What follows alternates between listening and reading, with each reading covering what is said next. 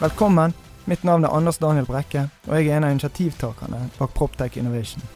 Proptech er teknologi som legger til rette for radikale eller gradvise endringer i måten vi kjøper, leier, selger, designer, bygger, administrerer og transformerer bolig- og næringseiendom. Felles for alle aktørene for å forbli relevant er hvordan man utnytter mulighetene som ligger innen innovasjon, teknologi, samhandling og digitalisering. Men hva betyr dette egentlig for aktørene? Proptech Innovation er en næringsklynge innen eiendomsteknologi. Med denne podkasten skal vi innom ulike deler av verdikjeden. Vi skal finne ut hva disse driverne faktisk betyr. For de etablerte aktørene, for bransjen, forretningsmodellene og verdikjedene. Hvordan vil Proptech endre bransjen, og hvordan ser eiendomsbransjen ut i 2030? Eh, hjertelig velkommen. Anders Sand Brekke fra Proptech Innovation her. Eh, ny episode. I dag har vi en kjempekul gjest, eh, og vi skal snakke om noe veldig spennende og veldig i vinden. Ikke minst med sirkulær økonomi. Og hjertelig velkommen Hanne Wetland fra Knowit. Ja, hei, hei. Hei, Hanne. Hvem er du, og hva koker du med? Ja, hvem er jeg, hva koker jeg med? Um, jeg Skal vi ta den uh, Hvor kommer jeg fra? Så er jeg jo sånn Jeg jobber jo Knowit nå. Og det er jo et design- og teknologiselskap. Mm. Og der jobber jeg i den avdelingen som driver med rådgivning. Uh, det er litt sånn frie sjeler, men med et sånn strategisk blikk på forretningsutvikling. Og der har jeg ansvar for bærekraft. Eller det er det jeg jobber mest med, da. Ting mm. relatert til det, og da særlig sirkulær økonomi. Så det. Men sånn bakgrunnsmessig er jeg jo siving, da, i industriell design. Mm. Og uh, medlem av Tekna og leser Teknisk Ukeblad til øyet er stort og vått. Og, så jeg er en næringsnerd. Jeg syns det er like spennende å lese om regler for gjødsling på Jæren som fundamentering i Bjørvika og mm. liksom atomreaktor. Altså jeg, jeg syns alt er gøy innenfor dette. Mm. Veldig brei. Eh, og så har jeg jobbet som industridesigner et par år, altså lagd ting. Og det har jo dette design-DNA-et med meg, da. Mm. Og det er jo veldig viktig i sirkulærøkonomien, fordi for f.eks. For sier jo EU at, eh, og det vet jo jeg, at eh, det er jo i designøyeblikket at du bestemmer på en måte bærekraftsprofilen. Mm. 80% av klimautslippene bestemmer du når du designer noe. For da bestemmer du hvor langt skal det leve, det, hvordan skal det produseres, hvordan skal du tjene penger på det. Mm. Så jeg tenker jo også som designer, eller som designbransje, så har vi sånn kjempestort ansvar som vi ikke har tatt eh, ganske mye, um, tenker jeg. Um, så jeg har litt sånn oppvask i egen Jeg tenker at det, det, er mange som er ansvarlig da, for mm. hvordan det er. Men jeg har dette design-DNA med meg. Um, og så har jeg jobbet ti år i Innovasjon Norge her på Vestlandet mm. eh, som eh, innovasjonsrådgiver. vil Si jeg har hjulpet da bedrifter i alle bransjer og i alle aldre eh, med å rigge innovasjonsprosjektene eh, smart.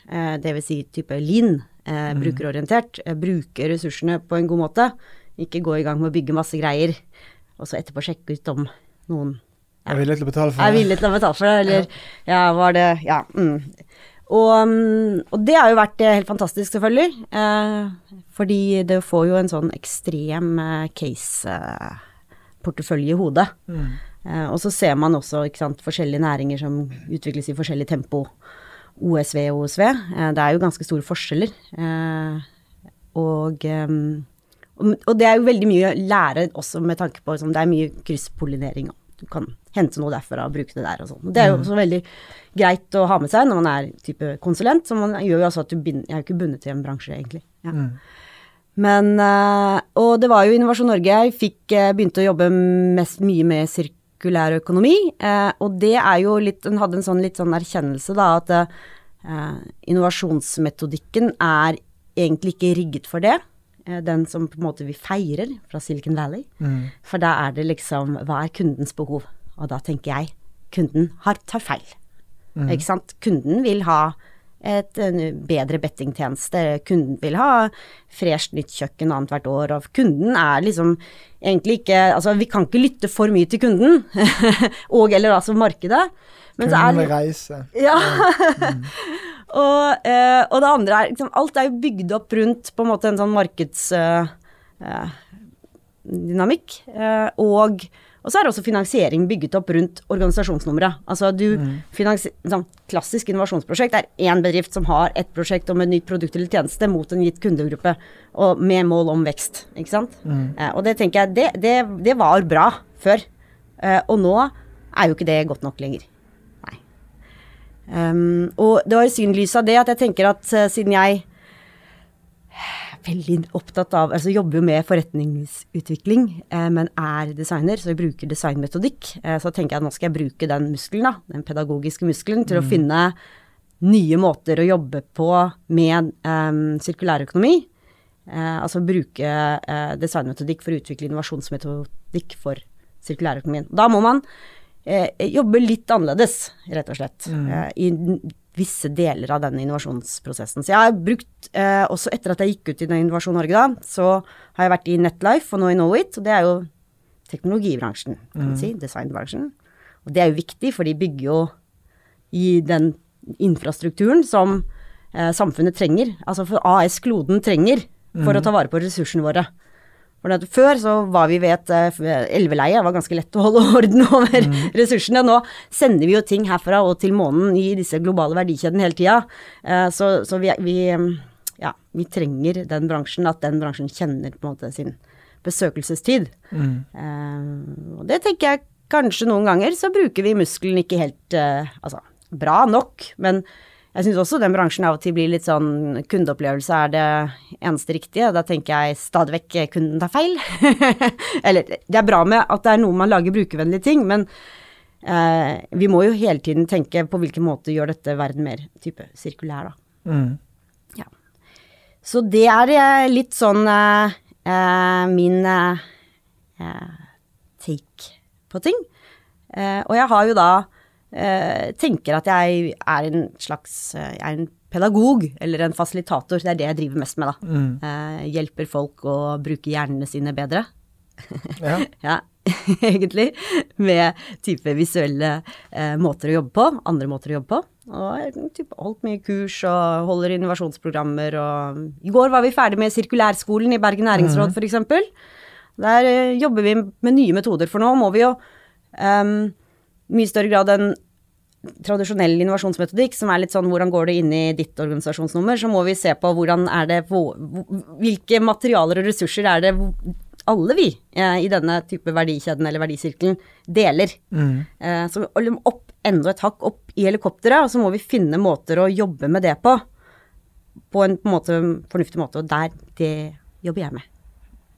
Ja, og så er det jo eh, nå, Jeg skal ikke si det samme i hver episode som eh, Eller jeg har sagt det i en del episoder. Ja. At det var jo 2020, starten av 2020, det var jo et bærekraftsmomentum eh, og buzzord uten sidestykke. Jeg har ikke sett på maken. Jeg. Da sluttet alle å snakke om innovasjon og digitalisering, og så begynte alle å snakke om bærekraft. Ja. Og det var ikke måte på hvor bærekraftige vi skulle bli. Ja. Absolutt alle organisasjonsnummer Ja, skulle bli så jævlig bærekraftige. Så kom covid, og så var ikke det så viktig å være bærekraftig lenger. Nei. Da var det viktigere å eh, sikre arbeidsplassene og kutte kostnader og den type ting. Og så nå går vi jo inn i en sånn post-covid-periode. Så nå antar jeg jo at dette enorme fokuset på bærekraft, eh, og ikke minst klima, men vi må huske at bærekraft er mye mer enn bare klima. Blant annet er jo effektivisering og veldig knyttet opp mot bærekraft. Eh, Ja. For eksempel. Eh, men i hvert fall veldig, nå antar jeg at nå utover høsten så kommer det bli veldig fokus igjen på bærekraft. Og så er det veldig mange firmaer som eh, eh, har begynt å snakke om bærekraft. eh, Gjør veldig lite. Eh, og så kommer ressursgruppen til Bergen næringsråd. Klart vi må ha sirkulær økonomi. Jeg var på en tur i USA med to gutter fra BIR, André Tangen og, og Ove, eh, for to år siden. Og de Ja. gikk rundt og spurte alle disse selskapene vi besøkte. What about circular economy? Og de bare never heard of it. Never mind. Vi Ja, bare, Så lenge det er billigere å grave et hull i bakken og putte bosset ned der, så driter vi i det. Ja, ja. Og sånn fungerer det ute i verden. Så spørsmålet eh, Nå ble det litt sånn rant fra min side, Ja. men dette her irriterer meg. For Ja. folk biter så jævlig lett på. Og de bare Ja, nå skal vi bli bærekraftige. Og flott. I år var det bærekraftig vi skulle bli. Kjempeflott. Og så går vi i tog og feirer hverandre. Og nå eh, har vi blitt bærekraftige. Eh, hvor er aktørene, egentlig? Ja, ja, litt forskjellig. Men jeg er, enig, jeg er enig i det at det var sånn eh, 13. mars, så la jeg meg i fosterstilling. Mm. Eh, fordi da var det sånn Alle mann til pumpene, nå må vi selge mer skit. Mm. Det var litt sånn. Eh, og, og, og da tenkte jeg sånn Nå tar jeg en liten pause. eh, til dette går over. Fordi at eh, eh, da var det sånn nå skal vi løse covid med forbruk, egentlig. Ja. Ja. Men nå er det Jeg opplever at det er endret nå, da. Bærekraft er jo et forferdelig føssete ord, eh, og veldig mye går jo ut på å telle det du allerede gjør. Så ikke sant, så ja, vi eh, hadde ikke en bærekraftsrapport, nå har vi fått det. Det vil si, før telte vi ikke tingene, nå teller vi det. Så kaller vi det bærekraftsrapporten, Ja. og så er det flott. Og fin forside. Og det er mange som tjener mye penger på å lage bærekraftsrapporter, og så telle opp det folk allerede gjør. Mm. eh, og så kan man telle opp det man gjør, så kan man betale seg ut av ting. Det er også veldig flott. Det er sånn Klimakvoter er klimakvoter. vel det. Veldig flott. Uh, og da er man home free. Da har du liksom gjort husrengjøringa di. Men så slipper du egentlig, toucher det egentlig ikke innom eh, kjerneaktiviteten din. Uh, men det ser fint ut i rapporten. Og det er faktisk sånn noen ganger at eh, man kan gjøre tiltak som ser bra ut i rapporten, men som egentlig ikke er bra for eh, kloden, men det er bare at det er bra i rapporten. Jeg har jo hørt eh, noen eh, sånn med tanke på f.eks. skal du gjenvinne, eller skal du brenne tre? Du bør brenne det, eh, fordi at det gjør seg bedre i rapporten enn om du gjenvinner det. Eh, fordi at da erstatter du annet fossilt brensel nede i EU, og det er liksom summen av det for klimaet er bedre enn Ja. Alt henger jo sammen med alt. Men jeg får litt sånn Bærekraft er et veldig sånn stort og fuzzy ord, og så får du en rapport. Og så klima, det blir folk også litt sånn distansert fra, føler jeg. For det er lett å tenke ja, men i Kina lager de liksom 200 nye kullkraftverk. Man får litt sånn Jeg får litt fosterstilling av å tenke på klima. Men jeg får ikke det av å tenke på sirkulærøkonomi. Og det er jo fordi at det er mye mer håndfast. Eh, For det første så handler det i litt større grad om ting du kan ta på. Altså det er jo eh, materialer og ressurser og liksom strøm og data. Det er litt mer konkret. Um, og for det andre så er det litt mer lokalt. Altså det er ting som skjer altså, i dette rommet her. Eh, Hva skal vi gjøre med dette bordet etterpå? Ikke sant? Det er veldig sånn du kan ta på det. Um, og så tenker jeg at det er veldig lett da, å oversette det i litt større grad enn klima til arbeidsplasser som er lønnsomme. Altså det er lettere å tenke Du får litt mer sånn eh, lyst til å bli innovativ og tenke forretningspotensial. Um, og det har jo nå EU også regnet på, at de regner med at det kommer fire millioner nye jobber som følge av å legge om i en sirkulær økonomi. Eh, fordi at det rett og slett er muligheter for uh, nye forretningsmodeller. Så tror jeg folk tenker klima at det, det, kan, det kan bli også kan bli litt sånn stort. Så jeg tror liksom at vi må, ja, vi må tenke begge deler, da. Men uh, for meg så har det blitt veldig sånn eh, eh, Får litt, får litt større følelse at det her kan jeg faktisk bidra med det, da. Men er det sånn, for du jobber jo med disse aktørene, da. Du har fått den eh, bærekraftsrapporten. Eh, satt opp sitt første klimaregnskap. Eh, vel og bra, dette. Man har pekt på noen mål av disse 17 som man ja. Ja. disse skal vi ta grep Og om. så har du fått en sånn liten boks som du kan kose med å ta bilde med. Ja da, så, og alle kan ta Du kan hoppe i vannet, kan du også. Mye Ja. du kan gjøre. Eh, men tror ikke du på at hvis dette reelt sett skal virke, og vi skal bli klimanøytrale innen 2030, vi skal Ja. ha nullutslipp innen 2030, alt dette, da må det gjøre vondt. Det nytter ikke bare med en rapport, og det må, du må kjenne på det. At det Ja, må være smertefullt. Du må ta noen valg som faktisk går utover deg sjøl, og går utover andre ting, for at dette skal kunne fungere. Tror ikke du det? Jo, jo, altså, det, men all innovasjon er jo smertefull, kan man si, kan være, da. Ja. Ja, ja. Eh, også, eh, med smerte er jo interessant, da, for en, et av problemene til Norge er at vi kjenner jo ikke på smerte. ikke sant, det er jo, vi er jo fullt, vi renner jo over av ressurser og penger. Eh, du ser jo land som er eh, litt mindre, eh, på en måte kjenner på mer smerte. Mm. Nederland kjenner på mye smerte, de ligger langt fremme med tanke på sirkulær økonomi, og det skjønner jeg, de ligger under vann, ikke sant. Jeg tror de tenker på at nå blir vi svømt over hvis vi ikke gjør noe her. Eh, det er litt begrenset, folk kan ikke stikke av, altså det er litt sånn mindre. Um, så det at vi er rike er jo en, ut, er en utfordring, det er litt som at det er ikke så veldig smart å jobbe med, som en, eh, med et innovasjonsprosjekt hvis du har altfor mye penger, Når du bruker ressursene feil. Og det gjør jo vi også, vi har litt sånn for mye penger til å bli ressursoptimaliserte, tenker jeg. Men det er klart det kommer til å gjøre, uh, gjøre, gjøre vondt å legge om til en sirkulær økonomi, og veldig mye er jo ikke lønnsomt i dag, ikke sant. Eh, og hvis vi tenker på type eh, gjenbruk og ombruk og materialgjenvinning, så er jo det ikke lønnsomt i det hele tatt. Eh, fordi at det finnes ikke et godt marked for Altså det er ikke betalingsvilje. Og det er mye grunner til det. Det er jo kulturelle, ikke sant. Folk, nå var jeg hørte på Hansa i går. Folk skal venne seg til at de resirkulerer nye ølglassene, de er litt mer grumsete. Ikke sant? Uh, alt fra det og sånn skal du, når du skal ha et nytt bygg, så kan du, skal du venne deg til da, at ikke du skal ha helt nytt og fresht. Og det er jo en sånn kulturell slagg eh, som ligger der, eh, og som har noe direkte å gjøre med betalingsvilje. Eh, Men så vet vi jo også det at det som er lønnsomt i dag, det kommer til å bli mindre lønnsomt, fordi EU kniper jo til voldsomt nå. Mm. Så det kommer jo masse reguleringer. Altså de kommer til å gjøre det vanskelig eh, på en del ting. Og nå setter de De har jo en ganske sånn heftig eh, Circular Economy Action Plan som kom ut i mars. Og det er litt sånn eh, Granavolden-erklæringen på norsk. Så da skal den gjennom byråkratiet. Men der, hvis det, eh, vi må jo bare anta at det de skriver der, det kommer til å skje. Eh, og det er ganske da, da begynner du å streve hvis du ikke følger de reglene, for da vil du liksom ikke få license to operate, nærmest. Type sånn det må være mulig å demontere produktet ditt. Du vil få et eh, utvidet produsentansvar uansett hva du setter på markedet. Eh, og fra min tid i Innovasjon Norge da, så uh, var det jo sånn at veldig mange av de prosjektene som var der, gikk jo ut på enten uh, evne å følge regler, eller hjelpe andre å følge regler. Så jeg har jo uh, ganske tro på dette, jeg, så jeg har veldig stor tro på at EU kommer til å hjelpe oss med å gjøre det vanskelig å ikke endre oss. Ja, men det er ikke sånn, Enten så må du, kan du sitte og vente på at rammebetingelsene endres, og så agere ut ifra det, eller så må du lage noen kommersielle drivere.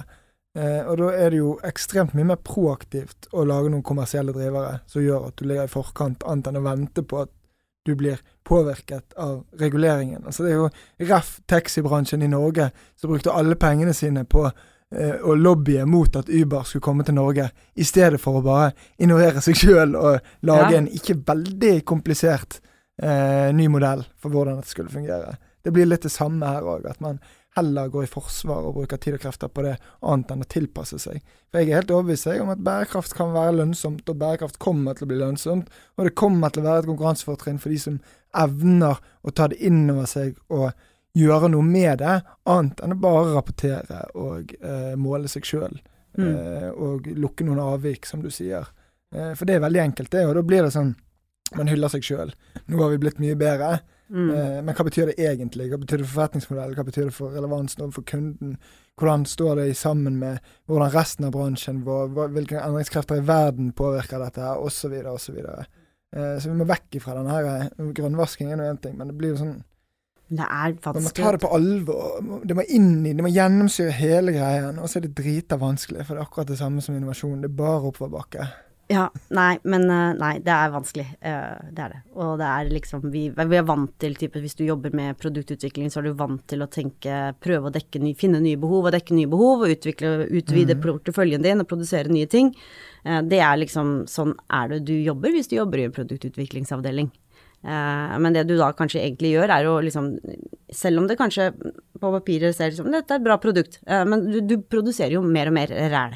Mm. Det er ikke så lett å ja, ta tak i det, men jeg tror i hvert fall Det er derfor vi jobber med denne sirkulærskolen i Bergen næringsråd. For vi tenker at først så trenger folk de rette mentale modellene. Altså hva, hvordan er eh, operativsystemet til kloden og Norge? Hvis vi skal tenke sirkulært, hvilke type sirkler, dype looper er det du har? Hvordan kan du gjenbruke ting internt? Hvordan kan du på en måte ha rigge, Hvordan kan du eksperimentere eh, med forretningsmodellen din? Er det noe som kan gå over til å bli en product as a service, eller kan du som For det er veldig også sånn med sirkulærøkonomi, jeg merker at enten, hvis du håndterer material, så forholder alle seg til det veldig fornuftig, for du skjønner det. Hvis du er en jurist, hvordan, hva er din rolle da? Eller forsikringsselskap. Og da tenker jeg at du må bare tenke hvordan kan vi hjelpe til, hjelpe andre å bevare ressursene bedre. Så du må på en måte tegne deg inn som en en enabler, en muliggjører, Mm. for å holde liksom Hvordan forsikrer du noe som skal vare så lenge versus så lenge? Hvordan, hvilken rolle gjør du trygg når du i, eh, i, i nye produkt, tjenestemodeller? Eh, hvordan kan du hjelpe til å få folk over? For det er jammen meg eh, eh, tungt. Men så har du også type sånn industrisamarbeid, ikke sant, symbioser og sånn, og det er jo krev, det er jo du som jobber i klynge, ikke sant, du skal bygge tillit, og så skal du møtes på nøytral grunn, og så skal vi prøve å finne noe som alle er, eh, tjener penger på samtidig, altså det er jo, det er jo tungt. Ja, det er lett å si at vi skal samarbeide, og så skal vi kun konkurrere når vi må. Ja. Og samarbeide når vi kan, men eh, samarbeid er jo utrolig krevende. Ja, det er kjempekrevende, Eh, og ja. vanskelig. Huff a meg. Og så har du dette med at uh, folk snakker jo heller ikke med tingene lenger ute i verdikjeden. Så nå jobber jeg jo med Altså veldig ofte spør sånn Har du snakket med avfallsselskapet? For det er, innenfor, det er sånne type designstrategier. Du skal jo liksom designe Først skal du, skal du lage det i det hele tatt. eller ikke, eller skal du repurpose eller finne en annen måte å dekke behov på som ikke er materielt eller noe sånt noe. Og så har du alt dette med liksom skal lang leve, design for lang levetid, da må du forretningsmodellen følge opp det. Det må være lønnsomt også å designe for reparasjon, for at det skal være mulig å oppgradere det, bytte ut, for at det skal være mulig å demontere det, OSV.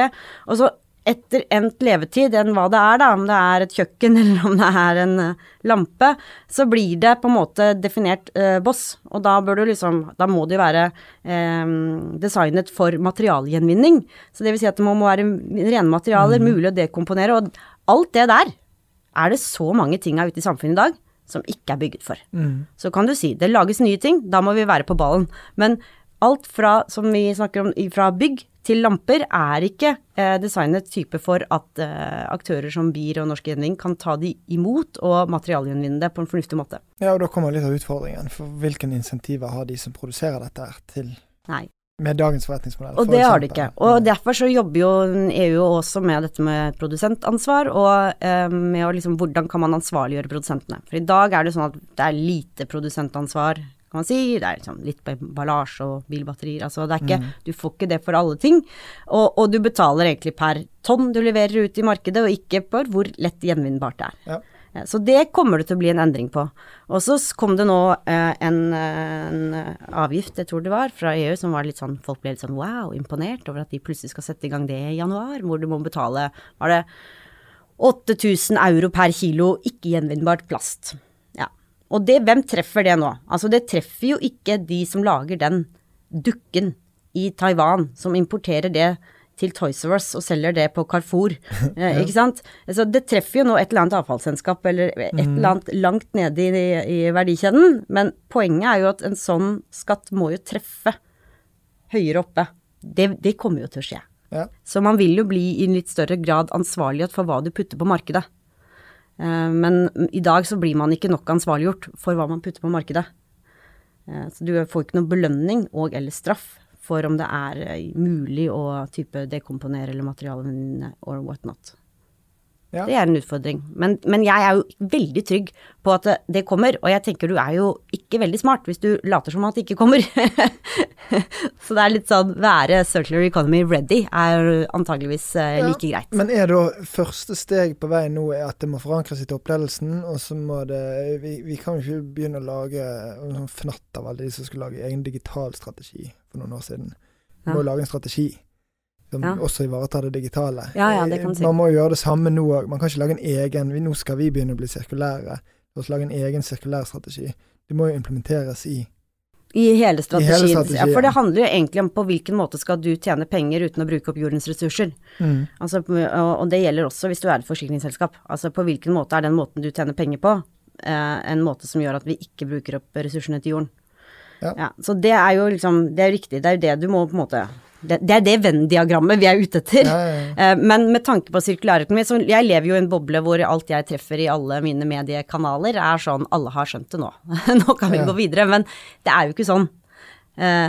Um, og jeg tror at i den daglige driften så kan man liksom uh, hekte i litt mindre Altså man Jeg tror ikke alle toppledere eller, og eller mellomledere, vel så viktige og eller alle, mm. har helt forståelse av eh, hva det kreves av endring, da. Eh, og så tror jeg også man kan bli litt matt, og da er jeg litt opptatt av at vi må bruke det som heter og eh, forretningseksperimenter. Altså man er nødt til å begynne å gå opp noen veier og teste ut noen ting, litt sånn lett og ledig. For det er for eksempel ja, innenfor det å legge om til tjenestemodeller, så er det mange tester som har vist seg å være at nei, det gikk ikke. Det var vanskelig. Mm. Ikke sant. Så det er jo ikke noe Det er jo ikke bare å legge om eller gjøre noe på nytt. Du må jo, må jo regne med at dette tar lang tid før du finner ut av, men det kommer til å bli ulønnsomt å jobbe sånn som du jobber nå ja. i fremtiden. Men det er jo litt det samme med disrupsjon og innovasjon. Eh, at uh, hvis man klarer å se det i perspektiv, så er det jo helt åpenbart for mange at du kommer ikke til å gjøre dette på den måten som du gjør det nå, mm. om fem år. Ja. Og sannsynligvis ikke om tre år. Nei. Men det er ikke dermed sagt at man gjør noe med det. Nei, Fordi at det er vanskelig, det er vanskelig, og det er mange som skal mene mangt og mye. Eh, og det er jo den største baugen til hvordan lykkes med innovasjon. Det er jo at det er så mange som skal føle noe og mene noe. Eh, For egentlig er det jo dritenkelt. Og det samme er jo med sirkulærøkonomi. Egentlig er det jo dritenkelt. Man må bare ta det på alvor. Ja. Og så er det som gjør det litt komplikado med sirkulærøkonomi, er jo at du er nødt til å finne de andre folka som eh, de ressursene eh, strømmer gjennom. Altså for det er ressursstrømmer, og de går gjennom forskjellige Ja, organisasjonsnummer. Hvor gode er disse til å tenke verdikjede, da? Nei, det tror jeg ikke. De er gode til å tenke leverandørkjede, Ja. men det er veldig få som har en tanke om hvor blir dette av in the end etterpå. Og så tror jeg også du kan klare kanskje å tenke underleverandør, men sant, det er jo en, eh, en rekke og rad der. Mm. Og de prosjektene som lykkes, det har jo eh, Norsk Gjenvinning har jo et eksempel som jeg syns er ganske kult, hvor de har klart å, å lage et, et sirkulært løp for gjenbruk av gips. Det fikk de jo bare til fordi de samlet alle aktørene i verdikjeden, så Mm. alle fikk en felles forståelse for at dette skal vi gjøre sammen, ikke sant. Vi må legge om litt alle sammen samtidig. Eh, fordi at én kan ikke lykkes uten at den andre gjør det. Altså, det er, det er litt sånn, dette er vår, vi har en stafettfinne her som vi driver og sirkulerer, og alle må samarbeide om det. Um, og det, den typen, nå, tenk, nå har jeg eksempel et uh, arbeid med Avfall Norge, hvor vi ser på mat. Og da er det jo også noe med å line opp den verdisirkelen og si ok, det som skjer i det leddet her, produksjonsleddet der, har noe direkte å si for matkvaliteten, da blir det matsvinn. Den emballasjeprodusenten, det har direkte å si for hvorvidt det er mulig å gjenvinne det. Så det er noe med at du arver, i sirkulærøkonomien så arver du jo problemene et eller annet annet sted i verdikjeden, og så sender du problemer videre vekk. Ja. Ja. Ja, Hvis du tar akkurat det matgreiene, så ender jo problemene hos sluttbruker. Ja. Så må gi det, bytte de på seg. Det må vi ikke. Vi må bare spise opp maten. Det er veldig ja, viktig. Jo, men Det er emballasjen for klimatiltak. eksempel, Det er noen helt andre enn meg som har valgt at den kyllingfileten skal pakkes inn i så mye plast. Ja. Jeg bare sitter der med masse plast, jeg, som jeg må håndtere. Men det som er litt interessant i det temaet der, er at hvis Fjordland lager en ny kjempeplastinnpakket smoothie med 14 deler og greier som du syns er god, med 14, 114 kalorier, Mm. så kan det være great success for Fjordland sitt organisasjonsnummer. Exactly. Så ikke sant, i vårt gamle regime så ville man tenkt vi har lykkes med innovasjon. Mm. Nye convenience food til folket, hurra, hurra. Og så har du egentlig påkalt en oljeindustri for å pakke alt det der, og så har du produsert et eller annet som ikke kan gjenvinnes fordi at de har ikke kildesortering på T-banen. Mm.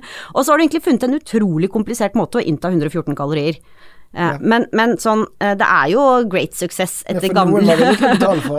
Jeg tipper det blir bløtkake i- Ja, ja, hos Fjordland når de ser eh, de Konfettikanoner. Det blir konfetti. Eh, så det er jo um, Ja. Det er utfordringen med ny og gammel innovasjon, da. Men la oss dra litt inn eh, eiendomsbransjen. Vi Ja. sitter her i Proptech, og det Ja. er jo eh, Eiendomsbransjen står jo for er jo Norges største fastlandsnæring, og står jo for hva det er, 40-50 av CO2-utslippet. Mm. Eh, på fastlandet i hvert fall. Eh, så, så denne bransjen må jo gjøre noe, og vi må lykkes. Og hvis vi skal nå de som eh, Norge eller verden, de målene vi, vi er nødt til å nå, så må jo eiendomsbransjen eh, Ja. gjøre noe med dette. Og derfor eh, starter jo også vi egen arbeidsgruppe innenfor sirkulær økonomi. Og du trenger flere folk med. Ja, Eh, jeg, eh, ja, fordi jeg kan si litt om det først. Eh, Mm. og det er jo noe med at eh, eh, det tema For det første så er jeg enig i det at eiendomsbransjen må jo gjøre noe. Altså det Mm. er litt sånn, Og EU har sagt du skal materialvinne 70% vi ligger på 40 Ja. Eh, og det er jo enorme mengder med tonn som tonnasje.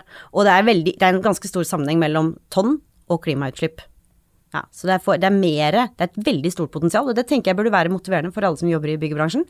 Veldig stort potensial for eh, klimabesparelser i byggebransjen. Og det har jo også EU sagt, at ved å legge om i en sirkulærøkonomi og begynne med renovering istedenfor riving og sånn, så skal vi ta ned veldig mye av våre klimautslipp sånn. Så det er, jo, det er jo kult, tenker jeg. Så det må man tenke at kult at jeg kan liksom være i en bransje hvor det er faktisk en reell mulighet for å gjøre noe. Eh, og så er det jo eh, veldig mange utfordringer med det som eh, At det er en lineær bransje, ikke sant. Det er sånn hvis du Det som faller ut av riving eller rehabilitering, det blir i veldig stor grad ulike typer for eh, avfall. Og eh, type Jeg tror vi Det er liksom litt materialinnvinning, mye energi, altså brenning, og ganske mye deponi. Og det er jo fordi det er eh, ting vi ikke vil ha i kretsløpet vårt. Dårlige materialer eh, som er laget uh, nå etter krigstiden. Um, men vi har jo satt ned nå en gruppe da, som skal jobbe med Vi har satt passerspissen i ordet ombruk uh, med relaterte problemstillinger. Um, og det er jo Ombruk er jo da at du skal ikke påkalle nye byggematerialer, men gjenbruke det som er, enten i da type skal vi si, organdonasjon fra et bygg til et annet, eller transplantasjon, altså bruke noe et, et, fra et sted bygget til et annet sted. Uh, og det er jo fordi at man skal stoppe opp de verdikjedene, ikke bruke opp, ikke ta mer ut fra uh, ressursene fra jorda. For det er sånn at produksjonen av varer og tjenester, det står for over 60% av klimautslippene, mens det er liksom, det er, bruken er ikke så stor. Så det er jo produksjonen vi ønsker å stoppe. Og særlig av de tunge massene som betong og stål. Så punkt én er jo uh, å, ikke, å, ikke, rive ned det betongstålet, for mm. det er uh, verstingen, selvfølgelig. Men, men denne områdesgruppen har vi nå uh, ti um, deltakere. Vi har ikke hatt første møte ennå. Det er et forprosjekt, og de er god blanding. alt fra type avfallsbiten av det, med, med BIR og noen andre, og så har vi Sparebanken Vest og prøver å få med Bergen kommune, må mase litt på dem. Mm. uh, og Opus og Reksir og Veidekke og, Åsane byggmesterforening. Litt sånn mm. forskjellig. Høgskolen på Vestlandet. Ganske sånn brei. Og det er jo fordi at når jeg snakker med folk rundt, så ser man jo selvfølgelig dette systemet for hvordan vi utveksler varer fra sin vinkel. Mm. Og jeg har hørt f.eks. historien om hva som skjedde med ombruk i Nygårdsgaten 5 eh, fortalt fra tre forskjellige vinkler, og det er tre forskjellige historier. Det er ganske mm. gøy. Eh, så litt av målet er jo at vi skal få en eh, Vi skal møtes nå og få en felles systemforståelse. Altså alle sammen opp i luftballong. Eh, hva er det som skjer her? Eh, hvilke barrierer er det som er? Hvorfor får vi ikke det i gang? Og det er fordi at det, Uh, nå er det veldig mange, mange, som jobber med dette temaet i byggebransjen, og jeg har jo gjort et godt søk som skal tilgjengeliggjøres for alle i propteklingen, mm. um, og funnet fram til masse greier. Uh, og det er jo gjort veldig mye det, det, Internett, altså det renner over av veiledere, så vi vet hva som Altså, ja. det er mye kunnskap, ja. det kan vi si. Og så er det ganske mange eksempler, som man har gjort konkrete eksempler, mm. hvor man har prøvd, enten evnet å, å, å ombruke en god del. Um, Eh, som f.eks. dette Christian Augusts gate i Oslo, som alltid blir trukket frem, hvor de har til og med klart å gjenbruke hulldekkene fra Bjørvika, selv om det ble et helvete uten Nei, ikke fra Bjørvika, fra regjeringskvartalet. Så mm. det var et helvete uten like. Men der har de fått til veldig mye, ikke sant. Det er litt sånn stolt og ja, ja platt. Eh, og så har de også hørt om prosjekter her i Bergen hvor de fra politikernivå har fått beskjed om at her skal vi ombruke mye, og så har de ikke funnet nok materialer av god nok kvalitet. Mm. Eh, og så er det også liksom, rare barrierer som at eh, Bergen kommune driver jo ikke med kjøp og salg av byggetjenester som byggevarer, så hvis ikke de klarer å ombruke det internt i organisasjonsnummeret, så, så da er det liksom Ja. Men det er veldig mange eksempler, men det er jo ikke noe industri. Og litt av eh, målet med dette forprosjektet, det er jo at vi skal eh, Punkt én, eh, ikke bruke kjempelang tid på å finne ut det alle andre har funnet ut.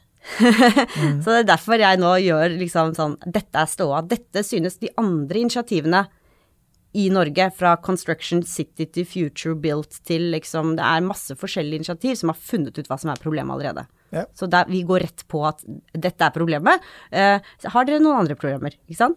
Og så skal vi jo prøve å finne ut hva er det hva er det vi trenger for at dette skal, skal få opp en markedsdynamikk? Hvor er det mulig å finne lønnsomhet? Mm. Um, og det kan jo hende at det er eh, noe nytt vi trenger.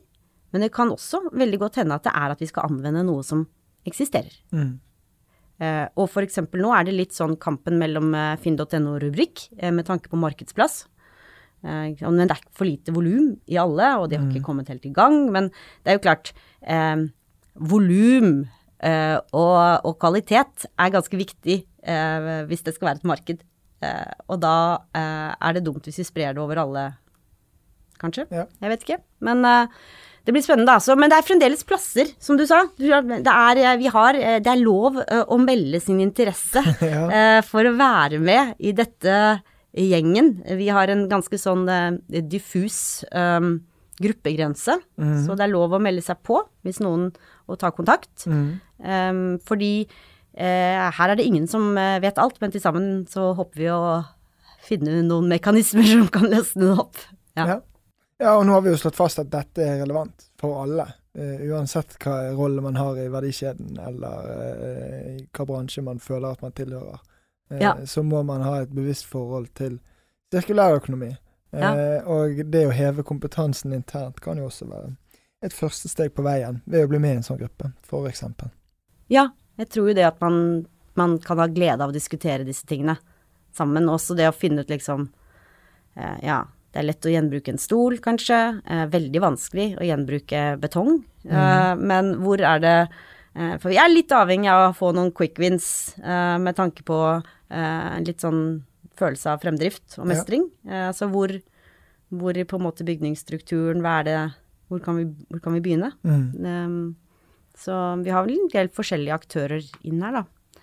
Um, så jeg er veldig spent, og jeg gleder meg veldig til det. Jeg syns det er veldig, veldig, veldig gøy å lese. Nå sitter jeg jo liksom Altså alt fra liksom dukk og tek og ytelseserklæringer, altså man kan gå seg vill, men det blir jo Alt er jo gøy når man går i dybden på det.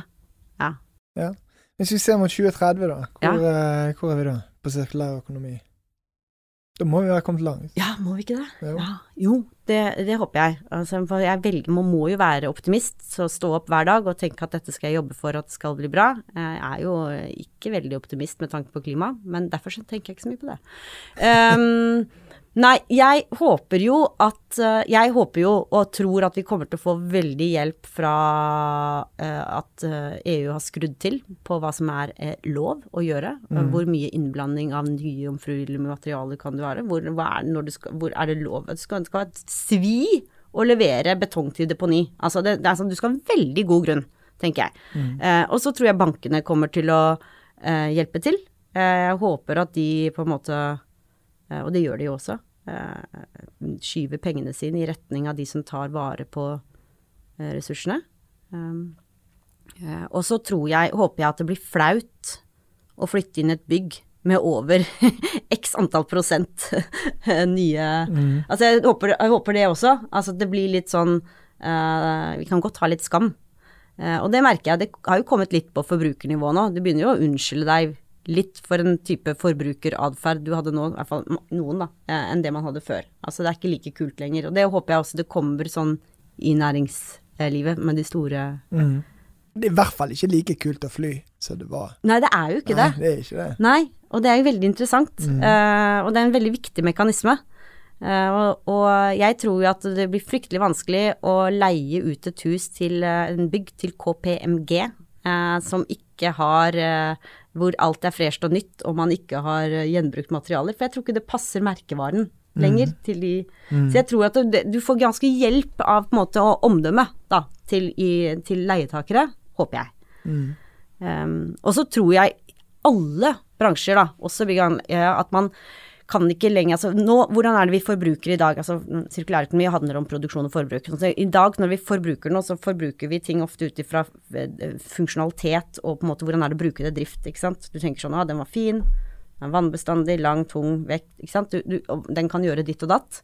Mm. Og så tror jeg at og veldig mye av historien om på en måte eh, livsløpskostnaden med tanke på ressursbruk og klimabruk, den er tapt da, i, i mitt vurderingskriterium. Men den er også heller ikke kommunisert. Mm. Så jeg tror jo at det kommer til å bli nesten lovpålagt kommunisert. Eh, eksempel dette som heter sånn eh, skjult avfall. Mm. sant? Du kan se den, å, telefonen, det var litt, eh? Det var litt sånn emballasje fra den der iPhonen, men så er det jo enorme mengder avfall som har eh, påkrevd i hele den verdikjeden for at den telefonen skal være hos deg. Eh, så det er jo ikke bare den bitte lille emballasjen der. Det er jo eh, kapp og kapp og gruveslam og husj og hasj. Og det, den informasjonen tror jeg kommer til å bli litt sånn uh, ulovlig ikke frembringe. Ja, og han er jo blitt litt mer synlig nå i elbildiskusjonen. At du, du Ja. Så det håper jeg også vrir, altså får opp en sånn vrir eh, Da blir det litt Jeg tror det kommer til å hjelpe, da, for det er ikke, det er ikke kult å vise frem en eh, verdikjede som eh, forurenser til luft og vann med masse avfall. Eh, og det er ikke kult å kjøpe produkter fra en sånn verdikjede heller. Så det har jeg en visjon om at det er helt transparent i 2030, og at det har en sånn enorm Så jeg forventer at det må være sånn Det tror jeg blir bra. ja, og tror ikke du òg det er et uh, poeng at flere og flere av de yngre som kommer i etter hvert beslutningstagerposisjoner osv., også vil føre til en akselerasjon av dette. Jo, jo. jo. Og mer bevisst forhold til det, i hvert fall. Ja, ja. ja. Jeg driver og krangler med hun hjemme for eksempel, om at det er sånn ekoprogram på oppvaskmaskinen. ja. Jeg kjører bare det, men det har ikke hun tid til. For det tar tre og en halv time. Ja. Så hun kjører den vanlige på 70 grader. Jeg har jo ikke noe Jeg aner ikke om det er mer, bedre for miljøet om jeg kjører den eko. Eh, tar sjansen på det. Men jeg er veldig standhaftig på at vi bør gjøre det hver gang. Ja. Så det skjer noe. Dette var ikke meg for fem år siden. Nei. sånn. Jeg snakket med han eh, en, en annen kollega som sier at han har et sånt singel eh, resirkuleringsprosjekt på hjemmebane. Det er ingen andre i familien som er med, men han står i det. Og, og resirkulerer og rydder opp etter alle de andre. Og han klarer ikke å få med seg familien engang på å gå i den retningen. Men det var skjedd noe med han, så han måtte eh, ta grep nå på vegne av familien. Så det skjer noe på holdningsfronten Ja. eh, rundt omkring. ja, ja, det gjør det. Det gjør det. Nei. Ja, så får vi se da om folk fortsatt har hytter i Mosjø og andre steder, så de må reise til titt Ja, ofte. for det tror jeg det er litt sånn Nå må du liksom De jeg snakker med som har det, de er litt mer sånn Ja, vi kjøpte det før metoo, liksom. Altså det blir litt Ja. sånn, altså Ja, det, ja, det var ikke Det var ikke feil å gjøre det da vi jo Ja. Mm, Ja. mm. Veldig hyggelig og veldig lærerikt eh, å ha deg med her, eh, Hanne. Eh, Er det noe mer vi bør nevne til slutt? Nei, men jeg vil jo veldig gjerne at alle de som interesserer seg for uh, ombruk i bergensområdet, uh, sender meg en uh, e-post eller noe. For det her eh, Vi trenger en bølge. Konge. Da sier vi det. Jeg, jeg skal være førstemann som Ja. sender deg post. Strålende. Tusen takk, Hanne. Ha det. Ha det.